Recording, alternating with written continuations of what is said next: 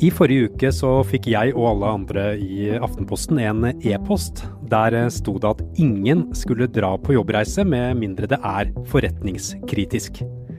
Og vi er langt fra alene. Flyselskapet SAS vil redusere flyvningene til Europa og Skandinavia som følge av koronavirusutbruddet. Etterspørselen i internasjonal luftfart er kraftig rammet, melder selskapet. Er det klima som blir vinneren nå som eh, vi blir hjemme pga. koronaviruset? Hvis verden hadde klart å holde det utslippsnivået som vi er i ferd med å få, som vi har nå, som følge av eh, færre flyvninger, eh, stengte industribedrifter, så tror jeg nesten at vi vil være i boks. Dette er forklart fra Aftenposten. Jeg heter Andreas Bakke Foss, og i dag er det mandag 9. mars.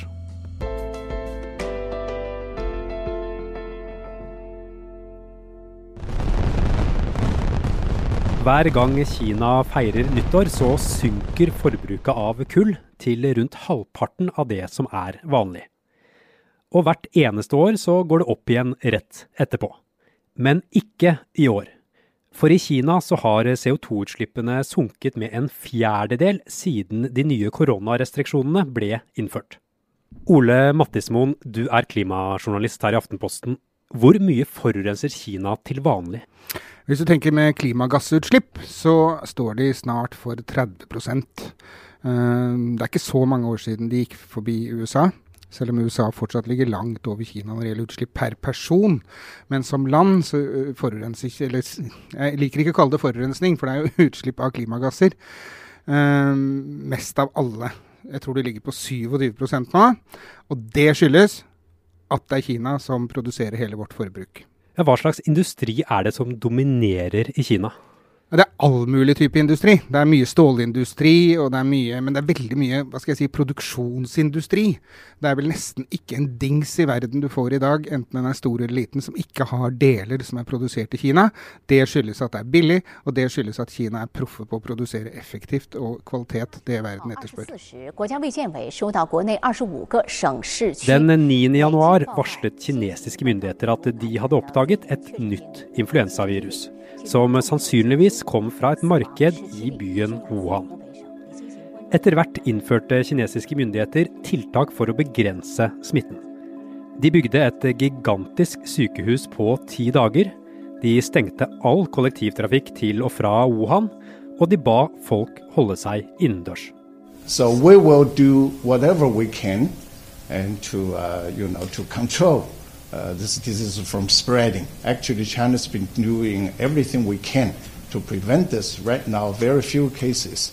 Uh, I should say another way, most of the cases happen in China. Ole, hva har skjedd med det kinesiske samfunnet etter at disse koronarestriksjonene ble innført? Kineserne er jo, i motsetning til de fleste andre folkeslag i verden, veldig flinke til én ting, nemlig det at når de får beskjed om å gjøre noe eller ikke gjøre noe, så gjør de det. Eller, eller, gjør det ikke. de lytter til myndighetene? Ja, de lytter til myndighetene. De har ikke noe annet valg. Men det fører også til at uh, den type restriksjoner som er innført i Kina etter utbruddet, eller ble innført, fikk veldig raskt effekt. Uh, industri ble stengt. Uh, folk sluttet å fly.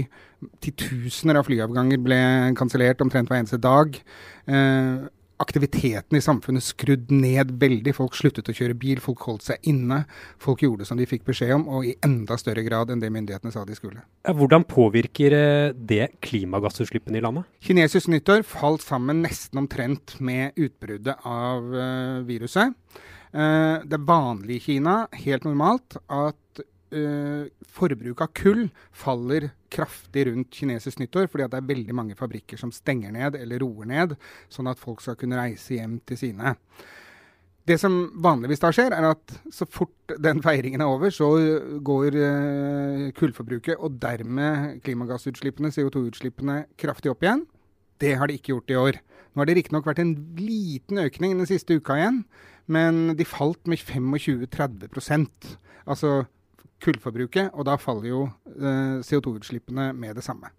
Vi har jo sett bilder Ole, fra hovedstaden i Kina, Beijing, der man eh, nesten ikke kan se bygninger pga. Eh, dårlig luft og smog. Hvordan står det til med luftkvaliteten i de kinesiske byene nå etter disse restriksjonene? Eh, ganske tidlig så ble det jo klart at de også stupte. Altså Utslippene av NO2, altså forskjellige nitrogenoksider, NOx, eh, falt med 30, nesten 40 eh, Det er jo da det, det, er ikke det du ser. Det du ser er, er, partikler, rett og slett. Men det falt jo også. Eh, for når kullkraftverkene stopper, så stopper utslippene. Så det er blitt bedre luft? Ja, det er jo helt krystallklart. Det har ikke vært sånn siden det var OL. Men Kan man si at koronaviruset nærmest har hatt en positiv helseeffekt da, i Kina? Ja, I hvert fall på kort sikt så er det jo helt klart det. For dette har jo vært kinesiske myndigheters store, store bekymring i flere år, denne voldsomme luftforurensningen. Fordi én ting er at befolkningen lider og blir syke og dør av det. En annen ting er at de er redd for at det på en måte kan bli spiren til et folkelig opprør. At folk ikke godtar dette lenger. Derfor så har kinesiske myndigheter jobbet beinhardt i flere år. Eh, resultatene har latt vente på seg. Det er fortsatt mye smog normalt. Eh, så ser man nå hva som skjer når eh, kullkraftverkene og mange av de bitte små kullkraftverkene stopper. Eh, så blir lufta klar. Uh, akkurat som det skjedde under, under, OL i Beijing, da myndighetene tvang alle til å stenge fordi at verden skulle se at Beijing og de andre OL-byene var eh, rene og fine. I løpet av januar spredte viruset seg til store deler av Sørøst-Asia. Flypassasjerer ble sjekket med termometer, og reisende fra Wuhan ble plassert i karantene. Over the past few weeks, we have witnessed the emergence of a previously unknown pathogen, which has escalated into an unprecedented outbreak og før slutten av januar hadde viruset nådd Europa og Nord-Amerika. Og Verdens helseorganisasjon erklærte en internasjonal helsekrise. I'm declaring a public health emergency of international concern over the global outbreak of novel coronavirus. The main reason for this declaration is not because of what is happening in China but because of what is happening in other countries. Our greatest concern is the potential for the virus to spread to countries with weaker health systems and which are ill prepared to deal with it. Nå har flere store flyselskaper avlyst avganger til steder med smitte. Etterspørselen har gått ned, og folk får beskjed om å bli hjemme. Med mindre reisen er strengt nødvendig. Belastningen kan bli større i tiden som kommer. Derfor kommer jeg med dette tydelige budskapet at hjemmekarantene må, opp, må overholdes. Alle skjønner at hjemmeisolering må overholdes. Det er jo de som er syke, men også de som er satt i hjemmekarantene fordi de er i risiko for å utvikle sykdom. De må overholde det. Folkehelseinstituttet i Norge fraråder så langt reiser til Nord-Italia, Sør-Korea, Iran og fastlandskina. Hva vinner klima på at vi beveger oss mindre? Og har det noe å si i det store bildet? Vi er straks tilbake.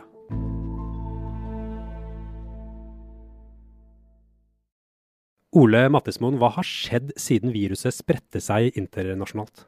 Ja, Det første som skjedde, hvis du tenker nå på klimagassutslippene, så det første som skjedde var jo at uh, utslippene falt dramatisk, stupte i Kina. Og siden Kina da er verdens største utslippsland, så får det også global effekt. Og etter hvert som viruset har spredd seg til andre land, så ser man at utslippene reduseres, dog ikke så mye, fordi at mange, de fleste andre land har andre hovedenergikilder enn kullkraft. Men vi ser det på flytrafikk. Eh, flytrafikken eh, stuper. Eh, titusener av avganger kanselleres, ruter innstilles. Det er klart dette får umiddelbare si, positive effekter sett fra et klimaståsted, og veldig negative konsekvenser sett fra flyøkonomien. Flere store selskaper, bl.a. Schibsted, som vi to jobber i, har jo strammet inn på arbeidsreiser. Og vi har fått beskjed om å stanse all reising som, som ikke er forretningskritisk. Hva gjør det med utslippene fra flytrafikken? Færre fly, færre utslipp. Eh, det jeg lurer på, det er jo om dette også kan ha en litt langtidseffekt. Sånn som det hadde under Kuwait-krigen etter den, hvor, hvor, store internasjonale konserner som Exxon eh, sluttet å fly nesten helt. Eh, de gikk over til videokonferanser. Så har dette sklidd veldig ut igjen de siste 20 åra etter det. Eh, men kanskje en del bedrifter skjønner at de ikke alltid behøver å reise. Eh, kan fly mindre, at det ikke bare gjelder familier som skal på to sydenferier, men at det gjelder næringslivet også. At de kan redusere flytrafikken, og at utslippene da vil per mer permanent kunne, om ikke annet, flate ut. Men hva er klimaeffekten av at verden nærmest går på sparebluss pga. Koronaviruset? Altså Klimaeffekten er jo positivt, for hver kilo CO2 som ikke slippes ut, er bra. Uh, rett og slett. CO2-mengden i atmosfæren øker hele tiden fordi at utslippene øker hele tiden. Når utslippene flater ut, så betyr det mindre CO2 i atmosfæren. I hvert fall midlertidig. Eh, men det som ikke er sluppet ut, det er jo ikke sluppet ut. Så men Hjelper det noe i det store bildet? Hvis, hvis, uh, hvis reduksjonen ble varig, så ville det jo ha en enorm effekt. Så hvis vi tenker oss da at vi bare holder oss her, vi slutter med alle reiser som ikke er strengt nødvendige, vi kjører sjeldnere til butikken, vi kjøper mindre og fabrikkene produserer mindre. Hva ville skjedd dersom verdens befolkning bare fortsetter som nå? Hvis verden hadde klart å holde det utslippsnivået som vi er i ferd med å få, som vi har nå, som følge av eh, færre flyvninger, eh, stengte industribedrifter, så tror jeg nesten at vi vil være i boks. Det er det som skal til for å bremse klimaendringene så kraftig at vi vil kanskje stoppe på 1,5 eller 2 grader, som jo er målet i Parisavtalen. Eh, det, er ikke, det, er ikke, det, er ikke, så lett å si liksom nøyaktig, men da ville vi få gjort veldig mye av jobben. Altså De siste årene siden Parisavtalen så har utslippene økt med 2-3-4-5 hvert eneste år. Eh, Kina har økt de siste to-tre årene. Eh, Kina må kutte. USA må ned. Europa må ned. Europa har gått ned en del nå er vi der. Så nå har vi egentlig gjort de kuttene som vi har snakket om som helt nødvendige, da? Ja, takket være et virus som har hjulpet oss til å gjøre dette her. Men hva kan vi regne med skjer eh, når denne koronatilstanden da går over? Det er jo det som er den store ulempen med dette, her, er at dette er høyst sannsynlig veldig midlertidig. Fordi at uh, all erfaring viser at når en sånn krise inntrer, enten det har vært finanskrise, Kuwait-krig eller andre ting som har bremset industrien i verden, så går det ganske kort tid når faren er over. så gønner man på, gasser på, og kineserne kommer til å fyre opp alle kullkraftverkene i full fart for å produsere nok varer. fordi at verden, altså med andre ord vi, i Norge, i Europa, i USA, kommer til å hyle etter alle de produktene som Kina lager. Og for å få laget det, så må Kina fyre opp kullkraftverkene, for det er de som produserer vårt forbruk. Så det er ikke noe håp om at vi ser at dette er bra og, og holder oss der? Det tror jeg ikke på i det hele tatt, men det som er det positive, er at man ser hvor enkelt i anførselstegn det er å få ned utslippene. Altså, Vi skal jo ikke tilbake til 1930, vi skal ikke tilbake til 1960, og heller ikke tilbake til 1990. Vi skal tilbake til sånn som vi kanskje gjorde det rundt år 2000. Det er ikke noe hokus pokus, vi må bare justere litt på måten vi gjør ting på. Bruke litt mindre, fly litt mindre, gjøre ting mer effektivt. Bruke den digitale teknologien for å, for å snakke sammen, for å ha møter, konferanser. Eh, så er det, det er fullt mulig å gjøre det. Alt, alt dette her dreier seg om viljen til å, å få det til. Eh, akkurat nå har koronaviruset vist oss at det går an. Eh, så må menneskene da vise seg selv etterpå og resten av verden at de vil. Eh, jeg har mine tvil.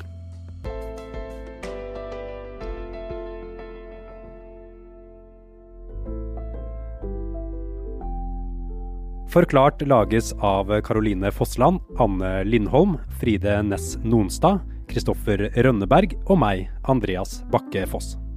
I denne episoden har du hørt lyd fra nyhetsbyrået AP og NRK.